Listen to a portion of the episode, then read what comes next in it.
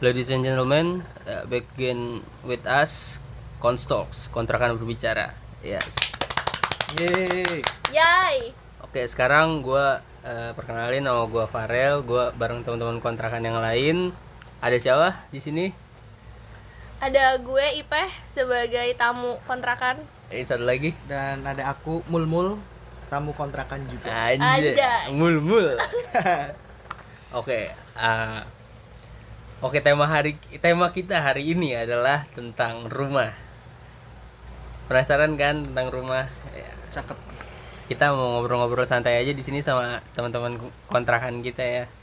Jadi ya walaupun ngalur ngidul tapi semoga kalian senang lah denger ya. Gue mau nanya nih sama eh, lu berdua gitu. Eh, keadaan saat ini tuh di rumah lu tuh eh, gimana sih? Entah itu harmonis kah, nyaman kah atau gimana yang lu rasain pas lu di rumah tuh kayak gimana? Hmm, Mungkin dari IP.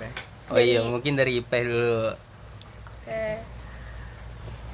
Keadaan rumah gue saat ini banget nih ya. Karena gue kan bukan asli sini. Orang tua gue sama gue beda tempat tinggal gitu loh. Gue lagi kuliah bareng sama Farel sama Mulyo juga. Jadi selama 2 tahun ini gue gue belum pernah balik ke rumah karena pertama faktor pandemi juga ya. Terus eh, apa namanya eh, orang tua gue itu parnoan banget apalagi bokap gue kan udah umur kan udah lumayan umur lah udah sekitar 60-an gitu. Jadi gue nggak dibolehin balik. Selama 2 tahun gue di sini sih sedengernya gue dari laporan nyokap dan laporan bokap kayaknya rumah aman-aman aja sih. Dan gue bersyukur karena kondisinya jauh lebih harmonis dibanding gue pas di rumah. Jadi kayaknya ada benernya juga gak sih gue cabut? Emang kenapa tuh jadi lebih harmonis tuh? karena sebelumnya tuh kayak ya biasa lah namanya juga udah berumah tangga lumayan lama. Terus paling ada cekcok cekcok kayak gitu kan. Oh iya, biasa biasa. Cekcok cekcok gitu. Ya paling apalagi kalau pas kondisinya kayak finansial nggak sih? Kalau finansial tuh jadi suatu problem yang buat gue dan keluarga gue tuh kayak jadi trigger buat apa ya Jadi lumayan rumit lah ya. Iya lumayan rumit trigger yang jadi ya gitulah cekcok apalagi nyokap yang mungkin mikirin ya biasa nggak sih ibu-ibu mikirin biaya segala macam gitu ya jadi cekcok cekcok gitu. Oh. Kalau Mulyo gimana nih? Ya, kalau aku sih uh, kalau aku kan asli emang dari sini Purwokerto. iya, terus Jadi untuk biaya ini, biaya ini mungkin makan atau kos segala macam kan nggak diperluin ada di rumah gitu. Eh, untuk kondisi keluarga sih ya, iya gimana tuh? ya kadang-kadang naik turun sih kayak misal Enggak nggak usah kondisi keluarga lu kayak lu kalau misalnya di rumah tuh rasanya apa dan kayak eh, keluarga lu tuh kayak gimana gitu. oh Ya, lu, lu nyaman gak ada di Ah, rumah gitu? Oh, I see. Kalau untuk itu sih ya kadang ngerasa nyaman, kadang ngerasa enggak gitu. Entah, entah suatu faktor apa gitu ya. Tapi kadang aku ngerasa kalau di rumah tuh uh, kumpul bareng, kadang kayak nggak nyaman. Paham, Terus paham tapi kalau misalkan kadang di luar malah kayak kangen Lu rumah. kangen rumah gitu ya? Ah, kayak Gue gitu. ngerti gue ngerti. Kadang juga kalau misal di rumah orang tua tuh sering ribut mem- apa? Ribut buat hal yang gak jelas loh Ngerti gue kayak hal-hal kecil. hal kecil tapi jadi diributin. gede, ya nah, sih? kayak gitu kayak nyambung ke yang masalah yang Oh, lain iya, kayak gitu iya. kayak kadang nggak nyaman kadang nyaman kadang nggak ada apa kalau misalkan nggak ada masalah ngobrol enak nyambung tapi kalau misalkan kadang-kadang ada masalah kecil gitu kayak masalahnya itu gede banget Oh, Gitu bisa sih, dari ah. kecil jadi bisa jadi gede. Ah. ya. jadi kayak itu. suatu masalah tuh tiba-tiba ke trigger terus Ah, jadi kayak boom gitu ya. nah iya padahal lagi ya kadang-kadang lagi nyantai gitu tiba-tiba ada Gak hal ada angin, kecil gak ada ah, ah, hujan. hal kecil langsung dar emosi Dar. semua dua-duanya Oh iya. ngerti iya, ngerti iya. ngerti gue. gitu sih Lu nggak mau ma- nanyain gua apa?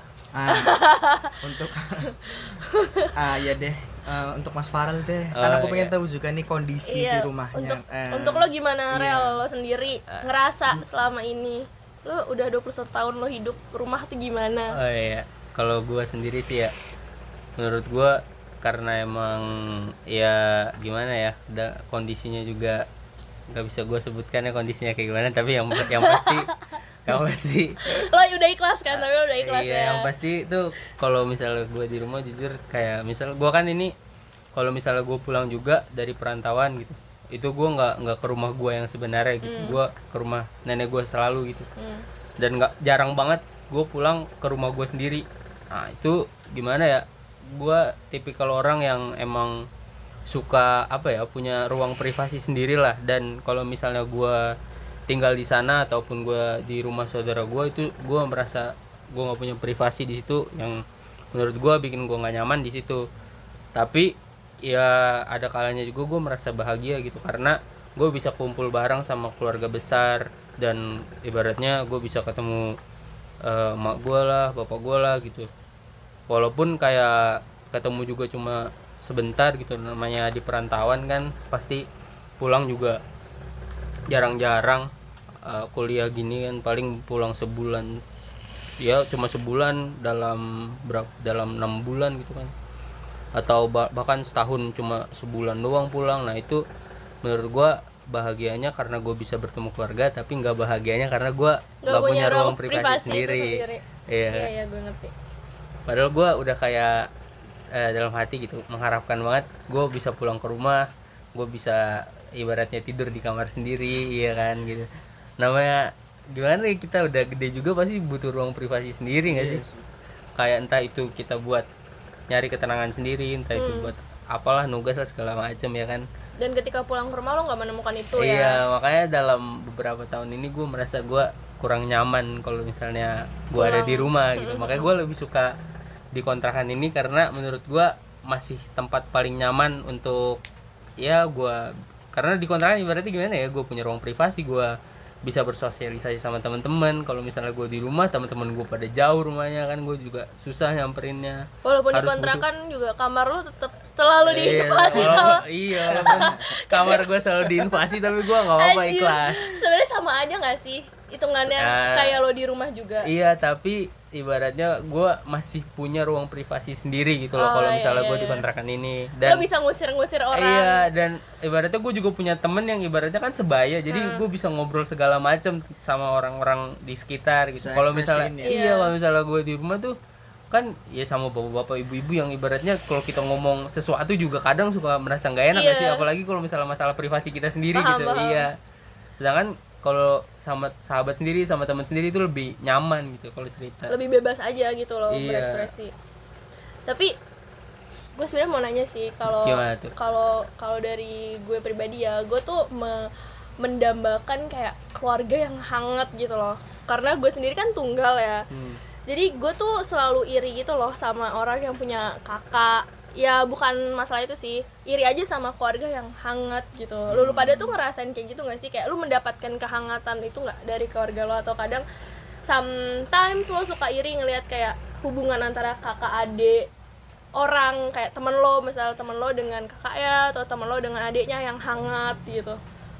Lu pada kadang suka ngerasa kayak ih gue kepengen banget. Kalau gue pribadi sih jujur gue suka iri aja kayak gitu dari Mas Farel nih, kan Iya. anak tunggal juga kan. Ah, iya. Gimana perasaannya? Sama Gimana ya? enggak gitu? Jujur gue juga iri sih kadang ngeliat yang kayak gitu. Gimana ya kayak ngelihat keluarga yang eh, gimana ya mereka orang tuanya care banget sama anaknya aja itu gue kadang suka iri gitu karena ya keluarga gue kadang ya gitu dah acuh ya Iya, cenderung kadang, acuh kadang care kadang enggak cuman kayak gue ngeliat keluarga orang teman gue wah kayak, eh, ibunya apa ibu- apa bapaknya gitu care banget nih sampai kayak disamperin terus eh, ke tempat perantauan kayak gitu gitu kan. Nah itu gue iri apalagi keluarga-keluarga tuh yang eh, ibaratnya gimana ya gue tuh suka iri ngeliat orang yang bisa deket sama orang tuanya yang kayak Oh, cerita ngerti. iya kayak dia cerita nih dikit-dikit kayak temen curhat gue tuh orang Nyokap tua gue gue iya nyokap gue kayak bokap gue iya gitu ya. kayak gue tuh kalau misalnya ada apa-apa pasti cerita ke nyokap. Nah itu gue nggak bisa banget tuh. Kayak gue cerita tentang apa ya masalah-masalah kecil aja tuh gue nggak pernah cerita ke nyokap bokap gitu. Itu- paling gue pendem sendiri atau gue ceritain ke temen gue Eh, sebelumnya gue mau nanya itu ke apa ya namanya hambatan lo nggak bisa ngobrol sama orang tua lo tuh dari lo sendiri yang sungkan atau emang ada kayak eh, apa ya pembatas yang tidak terlihat antara lo sama orang tua lo gitu ya secara tidak langsung eh, kebentuk. Iya mungkin mungkin kayak gitu sih. Cuman eh, yang gue rasain sih lebih ke kayak apa ya gue emang tipikal orang yang emang nggak bisa cerita ke orang-orang gitu. Jadi ya udah gue pendam sendiri atau ya cerita ke temen yang ibaratnya menurut gue dia asik. Nah, soalnya ibaratnya gue berpikir kalau misalnya anak ke orang tua itu harus punya batasan gitu loh. Oh. Uh, jadi gue nggak bisa se apa ya kayak sebebas gue cerita ke temen gue gitu. Dan itu nggak enaknya. Gue sebenarnya iri sih orang-orang yang bisa kayak gitu.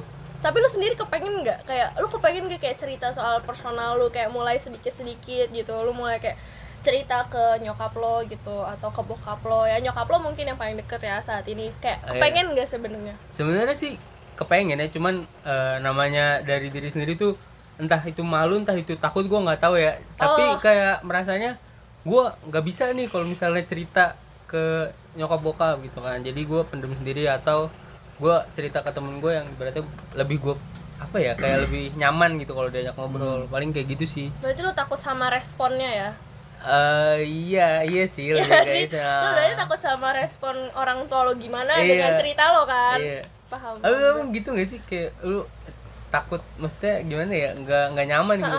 Kayak segan gitu. Iya.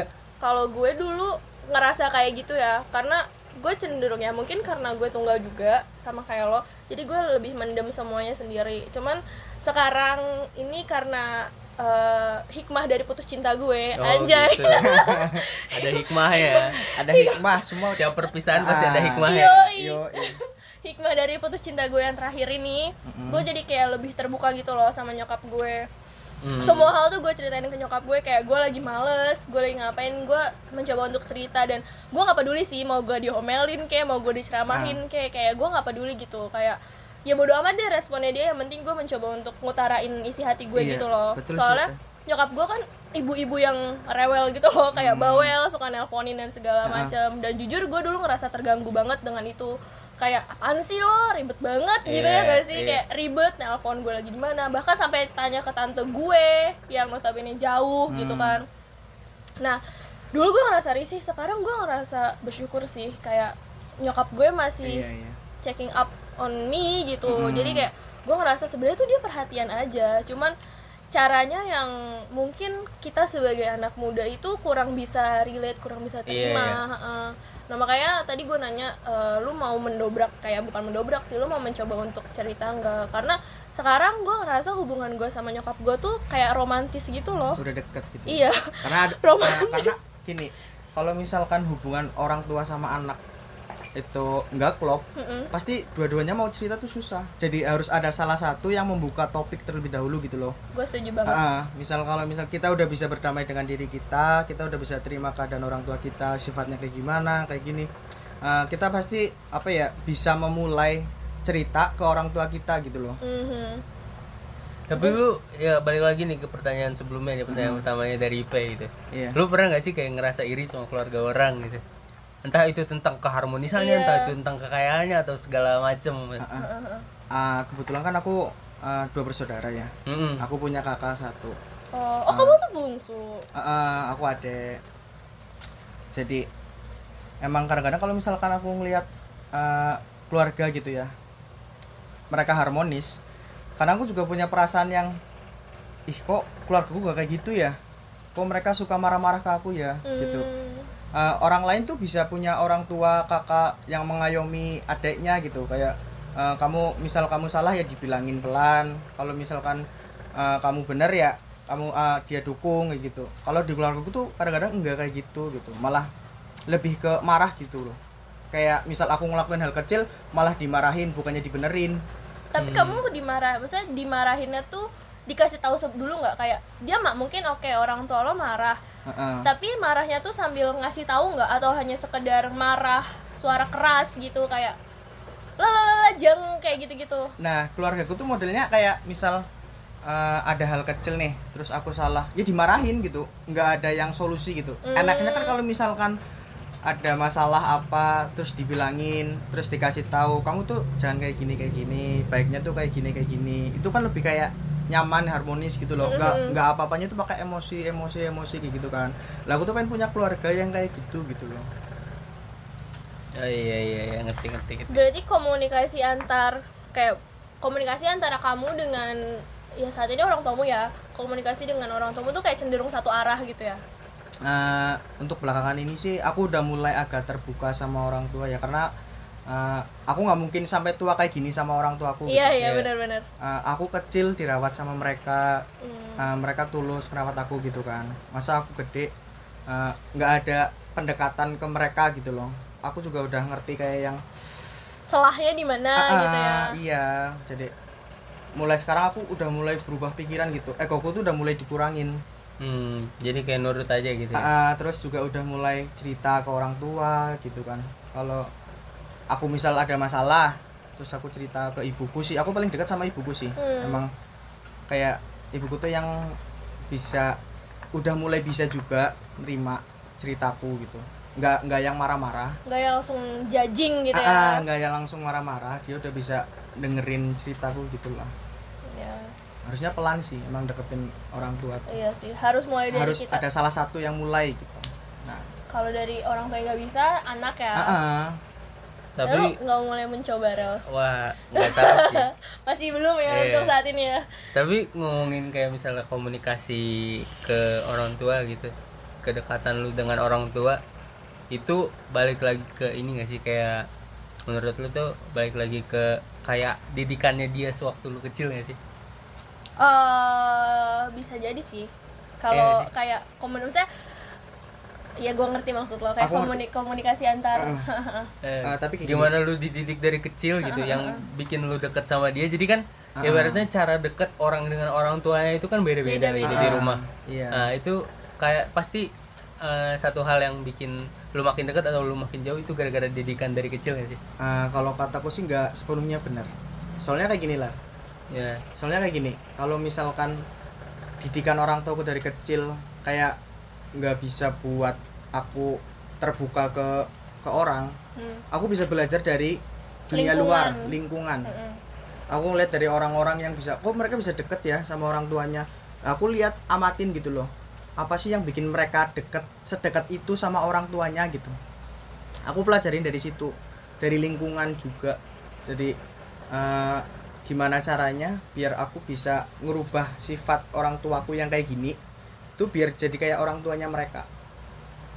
Hmm, tapi Mereka- namanya watak nggak bisa berubah sih? Susah. Ah, iya sih. Cuman pelan-pelan aja gitu. Oh. kita nggak bisa maksain wataknya dia buat berubah. Cuman dari kebiasaan kan lama-lama juga bisa berubah. Hmm. dari yang dulu ibuku ah, denger ceritaku kayak nggak cocok terus lama-lama aku olah kata-kataku biar deket sama orang tua kayak gimana. Terus lama-lama juga ya pasti deket gitu tergantung cara kita gimana ngomong ke orang tua sih. Berarti menurut kamu cara didik orang tua kamu pas Hmm. kecil itu nggak berpengaruh banyak terhadap cara komunikasi kamu sekarang? Iya nggak berpengaruh. Nggak Hmm. berpengaruh banyak gitu. Hmm. karena ada lingkungan yang setiap hari aku jumpai ada orang-orang baru yang aku jumpai gitu. Jadi aku belajar dari situ. eh, setiap orang pasti bisa berubah lah ya dengan Ah. walaupun pelan-pelan gitu. Iya. Kalau menurut lu gimana? Kalau gue sih hmm, rada setuju sih sama statement lu yang kayak gitu kayak karena dulu nyok gue tuh takut sama nyokap gue karena nyokap gue tuh dulu apa apa marah loh marah Ah. gitu loh kayak even hal-hal kecil ya maksudnya anak kecil dimarahin kayak takut gak sih Mm-mm. iya ya cenderung kayak strict parents gitu kan apalagi gue perempuan dan gue sendiri tunggal orang tua gue pasti se- setakut itu dan seprotektif itu Iya. apalagi nyokap gue nyokap gue tuh dulu kayak eh apa hal-hal kecil lah kayak gue dulu gue kan suka nulis ya. Gue suka nulis dan gue punya diary gitu lah intinya. Nah dulu kayak gue bolos nulis diary sehari padahal itu kan bukan suatu kewajiban Iya. gak sih? Kayak ya suka-suka gue diary dari gue gitu. Emang nyokap gue ngefasilitasin buat nulis dan dia tahu gue punya bakat di situ. Dan nyokap gue tuh marah gue nggak nulis diary gue. Dan itu marahnya tuh kayak masih terekam jelas sampai sekarang gitu loh. Mm-mm. Kayak bener-bener marah semarah itu. Jadi gue dulu nganggap nyokap gue tuh momok buat gue gitu. Pas kecil sampai akhirnya eh, ketika gue besar gue mulai ya itu yang tadi gue bilang gue mulai mendekatkan diri ke nyokap gue dan segala macam lah intinya. Tapi dari dari proses didiknya beliau nyokap gue yang keras dan marah-marah itu membentuk gue untuk jadi orang yang mending gak usah cerita deh gitu. Ah, ya kan? Kayak iya, iya, iya. karena kalau misalkan gue cerita pasti kayak responnya itu yang Maya tadi gue ngomong sama lo kan Hmm, respon gitu. iya, iya. responnya itu yang gue takutin gitu. Hmm. karena hal-hal yang menurut gue remeh dan receh aja bisa diomelin kayak gitu. Iya, iya. apalagi gue cerita misalnya kayak soal cowok atau soal teman gue yang gimana ya? Mungkin orang tua ngebela ya tapi kan responnya kita nggak tahu ya Wak kayak iya Iya. kayak bisa tiba-tiba dia meledak-ledak nggak setuju marah Iya.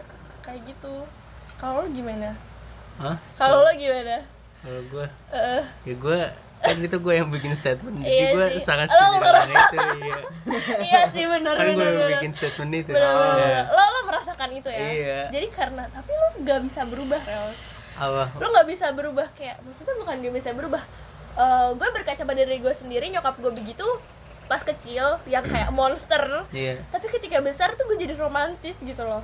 Tapi mungkin kenapa gimana ya? Ya emang kayak mas, dari diri gue nih masih ada rasa takut untuk oh iya ah, iya iya, untuk iya. deket kayak gitulah. Jadi gue menurut gue kayak gue nggak nyaman aja gitu.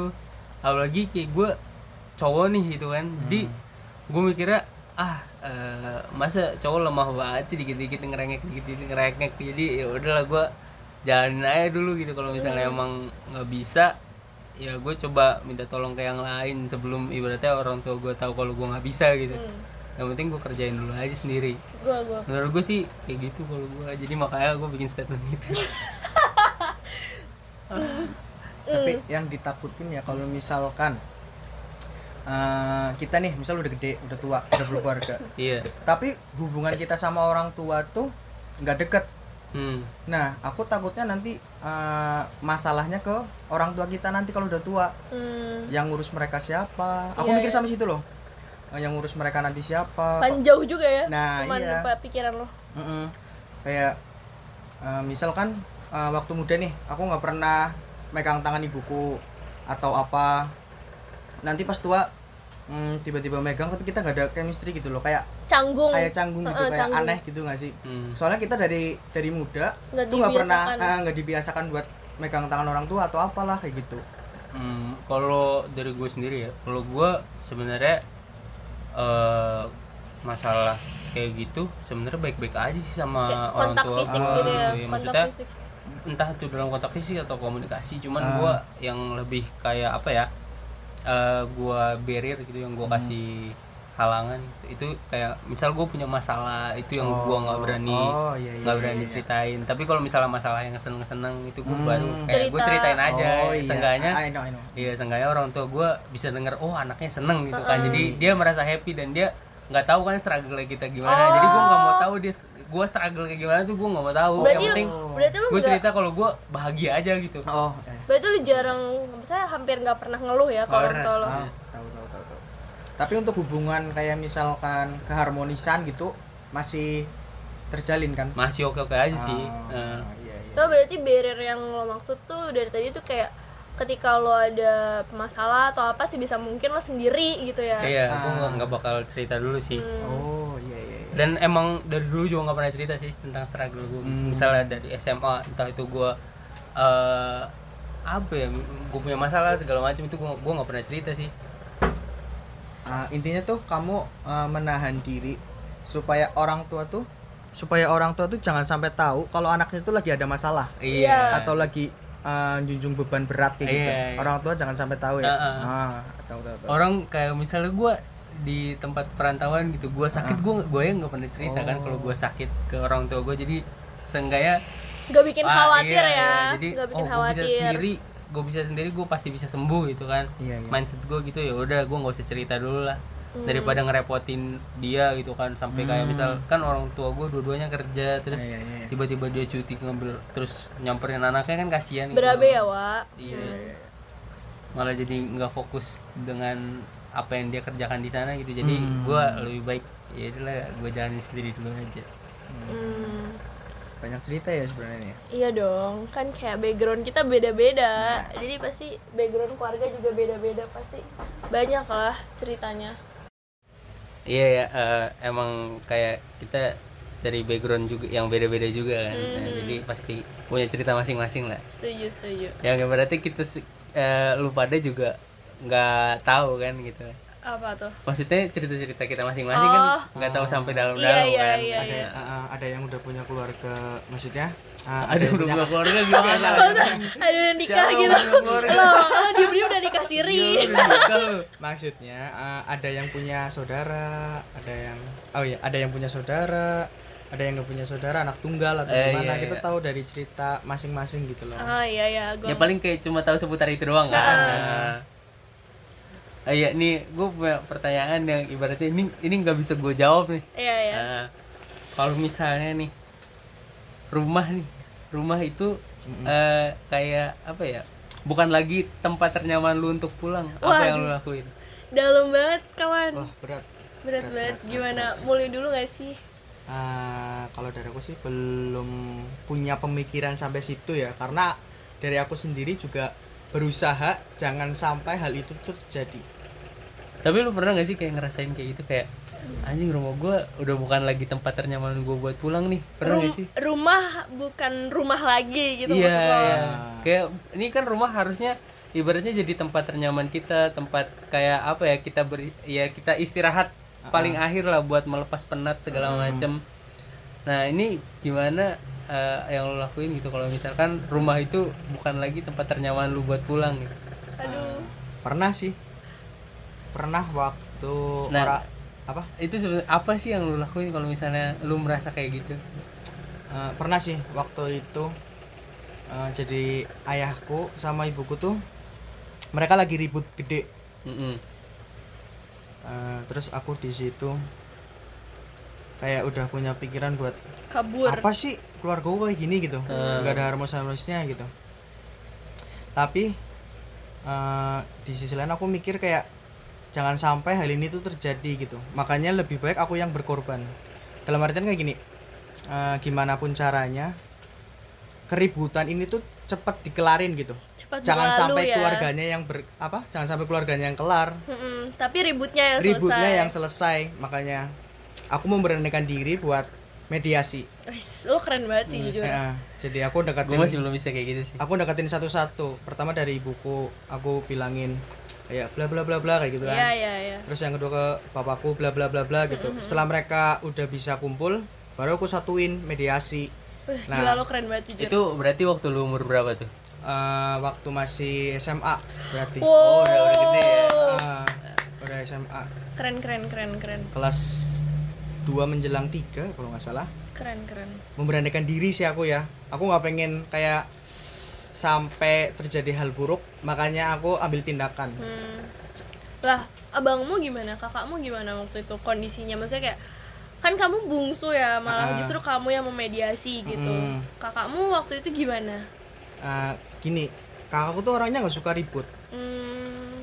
Ah, makanya kalau ada ribut dia tuh mending nggak mau urusan gitu jadi ya mau nggak mau ya ya aku harus harus ada di situ gitu Oh, iya, masalah iya, iya. aku omongin keduanya dia omongin baik-baik ya alhamdulillah eh, masalahnya kelar alhamdulillah Alhamdulillah. Alhamdulillah. Berarti mediasi kamu berhasil. iya alhamdulillah masalahnya yang kelar bukan Alhamdulillah. keluarganya Alhamdulillah. Terus kalau waktu gue sih waktu konflik terbesar di keluarga gue gue waktu itu masih SD mul jadi gue nggak bisa kayak lu oh iya kebetulan lu masih belum ngerti apa-apa dan Iya. kuping lo ditutup gitu kan. Iya, jadi gue nggak bisa apa-apa nih Hmm. kebetulan lu Ibaratnya gue masih belum punya pemikiran yang sedewasa itu loh jadi, pikiran lo masih mainan mainan mainan iya, gitu ya. jadi berat banget tuh kalau misalnya buat jadi mediator mediator lu ibarat tua sebelum waktunya gak sih kalau lu Iya. udah bisa kayak gitu pas SD tapi karena hal itu sih gue jadi bisa berpikir lebih dewasa di kemudian harinya hmm. emang Farah udah berpikir lebih dewasa menurut lo silakan tanyakan sendiri karena dia yang sudah mengalami iya kan lu nggak tahu dalam-dalamnya oh iya gua iya ya Em, kalau gue lu gimana tuh? Misal ada pemikiran seperti itu nih tiba-tiba, lu Hmm. apa yang lu lakuin? kalau gue sih eh, belum pernah sih gue berpikir Oh belum pernah. gue belum pernah kayak berpikiran kayak keluarga tuh apa eh rumah tuh bukan tempat gue pulang lagi tuh nggak pernah ya Hmm. cuman eh, lebih ke bukan bukan itu bukan kayak rumah tuh bukan jadi tempat lu bukan buat pulang gitu tapi kayak misal rumah ini eh, bukan jadi tempat ternyaman lu lagi nih buat pulang gitu. oh lu ngerasain hal itu gitu. lu pernah gak sih ngerasain hal itu tadi enggak sih gue belum pernah ngerasain kayak gitu lagi Rel. Waduh. Maksudnya se seribut-ribut seribut-ributnya orang tua gue atau gimana juga gue tetap balik sih tetap ngerasa rumah tuh nyaman tetap ngerasa rumah tuh kenapa? Gue tetap ngerasa rumah tuh ya tempat gue pulang nyaman gitu. Hmm. karena banyak apa ya banyak hal yang bisa gue lakukan cuma di rumah doang. Oh iya iya iya. Kayak banyak gitu loh. Mas gue sih nggak peduli sih mau orang tua gue ribut mau orang tua gak apa gitu ya. Ya gue di rumah ya nyaman nyaman aja. Misalnya eh, mungkin pas gue SMP kali ya gue ngera bukan ngerasa nggak nyaman tapi lebih iya lebih ke apa waktu lu SMP pas SMP eh karena lagi ribut-ributnya tuh orang tua gue ribut-ribut gede dan segala macam narrowly divorce terus gue karena gue nggak mau nih rumah jadi tempat yang tidak nyaman untuk pulang akhirnya gue lebih banyak main keluar gitu loh. Lebih banyak main keluar gue sama teman-teman gue kayak orang sinting lah ya, berarti? yes pinter banget loh. Jadi kayak nyari pelarian gitu-gitu. Jadi ketika gue sampai rumah gue udah ngerasa nyaman lagi gitu. Jangan sampai intinya kayak jangan sampai gue ngerasa rumah tuh udah nggak nyaman. Menurut gue itu udah fatal banget sih. Kalau gue sampai ngerasa kayak gitu ya karena seseorang tuh ngomong ke gue bilang eh satu sat bukan satu satunya sih kayak mau gimana pun kondisi rumah kondisi keluarga pasti mereka tuh orang yang paling pertama nolongin lo Iya sih. Oh, kalau menurut iya. gue ya jadi sebisa mungkin gue mengkondisikan s- kenyamanan di rumah gitu loh entah gimana pun caranya mau gue harus cari pelarian dulu apa apa tapi ketika gue pulang ke rumah ya gue ngerasa nyaman lagi gue ngerasa mereka keluarga gue gitu. Anjay gila Iya. gue mau nangis Nangis Pak. gue soalnya merasakan hal itu gitu, baru-baru ini tapi gue nggak tahu gimana caranya. Maksudnya gimana? Nggak tahu gue merasa nggak nyaman aja buat pulang ke rumah. Lo merasa tidak nyaman untuk pulang ke iya. rumah? Merasa kayak kalau gue di rumah gitu gimana ya kayak ya nggak nyaman aja gitu makanya gue lebih suka di sini kan mm, di sini lo merasa lebih rumah dibanding rumah lo Enggak juga sih, cuman Oh, kayak bukan. lebih kayak ada temen ngobrol, temen main segala macem. Kalau misalnya di rumah, entah itu gimana ya, Lo nggak punya sepi? temen ngobrol sama sekali lah. Sepi iya, gitu. Iya. Soalnya gue sosok sosok orang yang nggak terbuka terbuka banget gitu ke semua orang makanya jadi ya gimana ya susah juga. Se- Gitu. seiring berjalannya waktu mungkin bisa seiring lo semakin dewasa apalagi ketika lo nanti udah punya keluarga atau lo punya anak mungkin lo bisa mencairkan hubungan dingin lo dengan orang tua lo gak sih Mungkin. mungkin ya Tapi kan nggak tahu juga. Iya sih. Nah, tapi semoga aja Semoga aja Iya. bisa. terbaik lah untuk doa terbaik untuk lo ter- doa terbaik juga buat kalian. yes Amin. amin Tai banget. ya, udahlah. Eh buat dari kalian nih harapan kalian nih buat keluarga kalian tuh apa sih? Ini dari IP ya. ah dari gue mulu Ya, Dari dari lu dulu dah ngomong, mul. Kan tadi dari aku. Nggak apa-apa lagi. lagi lagi Kan sosok sobat yang paling tangguh iya. sobat mediasi wes lo keren banget lo Iya, asli mediator keluarga ya. Iya. canggih banget kamu Jadi buat teman-teman, kalau misalkan di rumah ada masalah, Harapan lu, pergi. Bangsat. Enggak, ini lagi ingetin Oh, lagi. iya. lagi. Buat teman-teman, kalau misalkan ada masalah di rumah, tuh kalau bisa hmm, enggak sih aku nggak bisa maksain ya. Cuman kalau misalkan kalian mau memberanikan diri gitu, eh, kalau bisa mediasi ke orang tua. Wes. Sa- Iya. Satu persatu terlebih dahulu lah. Eh, kan persepsi orang kan beda-beda. Ah. Mungkin dari ayah ngomong kayak gini, dari ibu ngomong kayak gini, lah dari kamu dicerna lagi, terus diambil kesimpulan baiknya tuh kayak gimana, terus dimediasiin. Hmm. Nah, kalau bisa jangan lari sih. Kalau bisa kamu harus turun ke situ gitu. karena udah terbukti nyata ya Terbukti nyata sih, aku ngalamin sendiri soalnya.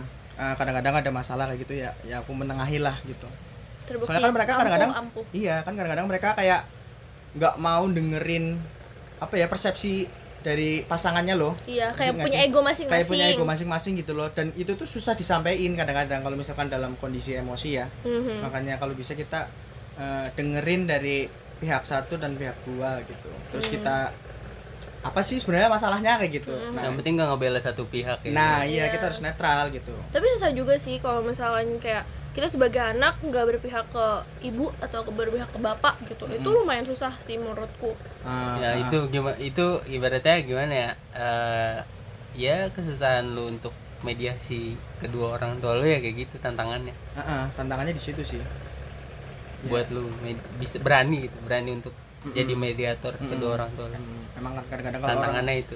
kalau orang emosi kan emang kadang-kadang nggak mau dengerin lawan bicaranya Hmm. kan. Kayak aku emang bener gitu aku nggak salah kayak merasa gitu. si paling lah ya. Ah, ah, dan sedangkan dia ngerasa kamu tuh salah sedangkan persepsiku tuh bener. Iya, kayak iya. gitu. Makanya kita harus menengahi permasalahan tersebut gitu. Ya, apalagi Sebisa kalau mungkin, karakter ya. orang tua lu ibaratnya salah satu ada yang emang ngotot banget dan emang Nah. harus selalu benar nah. Terlalu itu lebih salah lagi. Wah. Jangan sampai mereka ribut berkepanjangan gitu. Nah balik lagi ke pertanyaan Mas Faril tadi apa? Iya.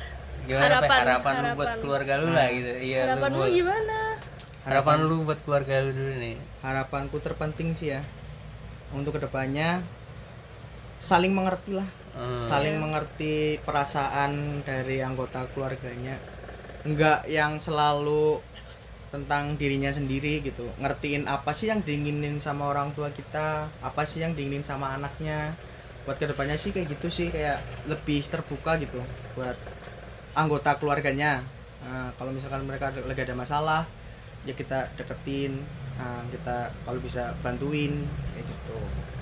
Harapannya sih kayak gitu sih lebih apa ya lebih terbuka lah. Hmm. lebih harmonis lagi kayak gitu sih. Kalau lu Pe?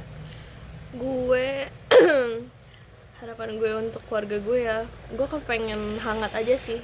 Kepengen jauh lebih hangat kayak jauh lebih saling apa ya erat gitu Hmm, hubungannya saling lebih saling menjaga gitu. Karena semakin gue besar dan orang tua gue semakin tua gitu loh. Gue nggak punya siapa-siapa lagi cuy selain orang tua gue. Ya nggak sih? Kayak selain keluarga gue. Sebelum berkeluarga ya. iya sebelum berkeluarga kayak gue nggak punya orang lain lagi gitu. Kayak ya jadi gue cuman harapannya itu doang sih. Hangat erat gitu dan saling ngerti aja. Dan nyokap bokap gue juga kayaknya udah semakin umur udah semakin capek juga nggak sih? Narik urat mulu kayak masing-masing Nah, masing-masing udah capek gitu loh narik urat mulu. Ya semoga mereka lebih ikhlas aja sih ngejalanin ngejalanin biduk rumah tangga dan keluarga gitu. Kayak semoga lebih ikhlas. Aja gue Ah. berharapnya itu sih Iya lebih ikhlas dan jauh lebih hangat jauh lebih erat. Ya karena sandaran gue ya cuman orang tua gue cuman keluarga gue gitu. Apa sih anjing melo banget gak suka deh gue nah nih buat Mas Farel gimana Iya, nih Mas Farel gimana nih? ya dari tadi kayak keras banget Nah, ya iya, masih keras masih banget keras nih gimana nih Ada harapan gue ya gue lebih ke apa ya berharap ke diri gue sendiri sih hmm. Hmm. kayak semoga gue bisa lebih terbuka Amin, semoga gue amin. lebih bisa berpikiran simple lah ibaratnya iya. worry semua hal gitu apa Iya. yang ada gitu yang diberikan sama orang tua gue kayak gimana ya dengan sebuah pemikiran seperti itu yang dengan gampangnya lu mensyukuri segala hal apa pun itu lu kan jadi ibaratnya bisa lebih enak sama orang tua lu gitu Hmm. ya itu sih paling dan ya semoga gimana ya gue berharapnya tuh gue sebagai orang yang udah lebih dewasa yang udah ke, berkepala ya udah kepala dua lah ibaratnya kan Iya. umurnya nah itu kayak lebih bisa apa ya kayak ngobrol enak lah sama orang tua gue bisa ngasih masukan ke orang tua gue jadi biar nggak orang tua gue dong yang ngasih masukan. Karena kan Iya, setiap iya. orang pasti punya kesalahan gitu. Iya. Nah gue juga mau bilang gitu eh, harusnya kayak gini gini. Eh, eh, ibaratnya baiknya gini harusnya, gini gini. bunda jangan kayak gini harusnya ayah jangan kayak gini kayak gitu loh. Maksudnya iya. gue harus gimana ya harapan gue ya lebih ke diri gue sendiri sih. Gue udah gede harus bisa jadi apa ya kayak penengah penengah ngasih masukan Kayak Mas Mulyo. Lebih mungkin gitu dari sih. mungkin mungkin mungkin lo bisa belajar dari pemilihan. Pemilihan apa? Pemilihan presiden. Enggak, enggak maksud Enggak, enggak Mungkin lu bisa belajar dari pemilihan redaksi lo. Kayak ketika lu bicara ke orang tua nggak sih? Kayak gimana harusnya baiknya. Jangan, jangan, jangan ngegas, jangan menghakimi gitu. sebenarnya kalau masalah redaksi kata-kata untuk dilenturkan ke orang tua kita semua udah pasti tahu lah. Iya kita sih. dari kecil diajarin etika Iya, masalahnya berani atau enggaknya. Kan Ah, iya bisa-bisa itu. Yang gue masih rasain kan takutnya itu loh kalau ngomong ke orang tua. Kalau gue kayak nyeramain orang tua gue Nggak mungkin ya." masih kecil ya Iya, gini." iya, iya. karena orang setiap orang tua kan pasti nganggap kita selalu Masih selalu masih anak kecil. Gue pun bingung ya, kenapa kayak gitu ya Orang tua tuh kayak Sampai sekarang pun eh, Nyokap gue tuh Masih nganggap gue tuh kayak anak kecil gitu loh. Kayak gue tuh masih belum bisa apa-apa Gue nggak bisa ngehandle masalah gue. Karena simpelnya menurut pemikiran dia kita masih anak-anak udah gitu doang. Kayak ya lu tetap anak gua walau lu segede apa pun. Iya. Padahal- kan- Simpelnya padahal sih kan gitu. ya, hmm, padahal kan emang kedewasaan itu bukan terukur dari berapa umurnya dia kan. Kayak aku bukan anak kecil lagi ibu Ah. gitu. Aku aku bukan anak kecil lagi paman beda. Siva dong. Beda nah itu sih kayak eh, ngasih pengertian itu sih yang masih agak sulit ya iya Iya. itu sih dan dan meyakinkan orang tua kita terhadap pilihan-pilihan yang kita ambil juga lumayan susah. kayak udah terakhir nih pesan lu buat orang-orang di luar sana Aduh, pesan gue untuk buat apa nih untuk kayak apa yang kita obrolin hari ini gitu Oh, kayak terhadap keluarganya Terhadap gitu ya. keluarga. dan Entah itu rumah. iya tentang kondisi rumahnya Hmm. lingkungan rumahnya ibaratnya kayak Lingkungan rumah tuh dalam rumah Eh, berarti nggak termasuk tetangga gitu bukan gitu di kan? dalam rumah dalam rumah. internal Iya iya. pesan lu Pesan gue untuk rumah yang dua tahun ini belum gue datangi, belum gue singgahi lagi karena gue kayak bang Toib ya Wak, lama-lama. ini pesan untuk orang di luar sana ya? Iya, benar untuk untuk orang. untuk orang-orang Oh, yang iya, mendengarkan bener-bener. ya Bener-bener, untuk orang-orang yang mendengarkan pesannya itu eh hmm, syukuri aja sih. Syukuri aja kejadian yang sedang menimpa apa pun di rumah lo. Entah itu baik entah itu buruk entah itu apa gitu. Mungkin saat itu kondisinya emang buruk banget. Tapi kita nggak tahu kan nanti ke depannya siapa tahu jadi lebih baik atau tiba-tiba dia menemukan rumah yang lain gitu. Ya syukuri aja sih sebenarnya walaupun susah banget ya. Ah. kayak kadang juga rumah bikin kita trauma nggak sih? Me- untuk beberapa orang? Iya untuk beberapa orang. Ya, ya syukuri aja keadaan rumah lo keadaan keluarga lo gimana saat ini semoga kalau misalkan lagi dalam kondisi yang tidak baik-baik saja semoga segera baik-baik saja. Dan kalau misalkan lo sudah tidak nyaman berada di rumah semoga lo bisa ketemu rumah yang lain yang lebih bikin lo nyaman. Pindah rumah dong. Oh, enggak maksudnya. Bukan gitu maksudnya. Kayak lo menemukan bentuk rumah yang lain Oh. yang bikin lo nyaman gitu. Kalau lu lo gimana, Mul?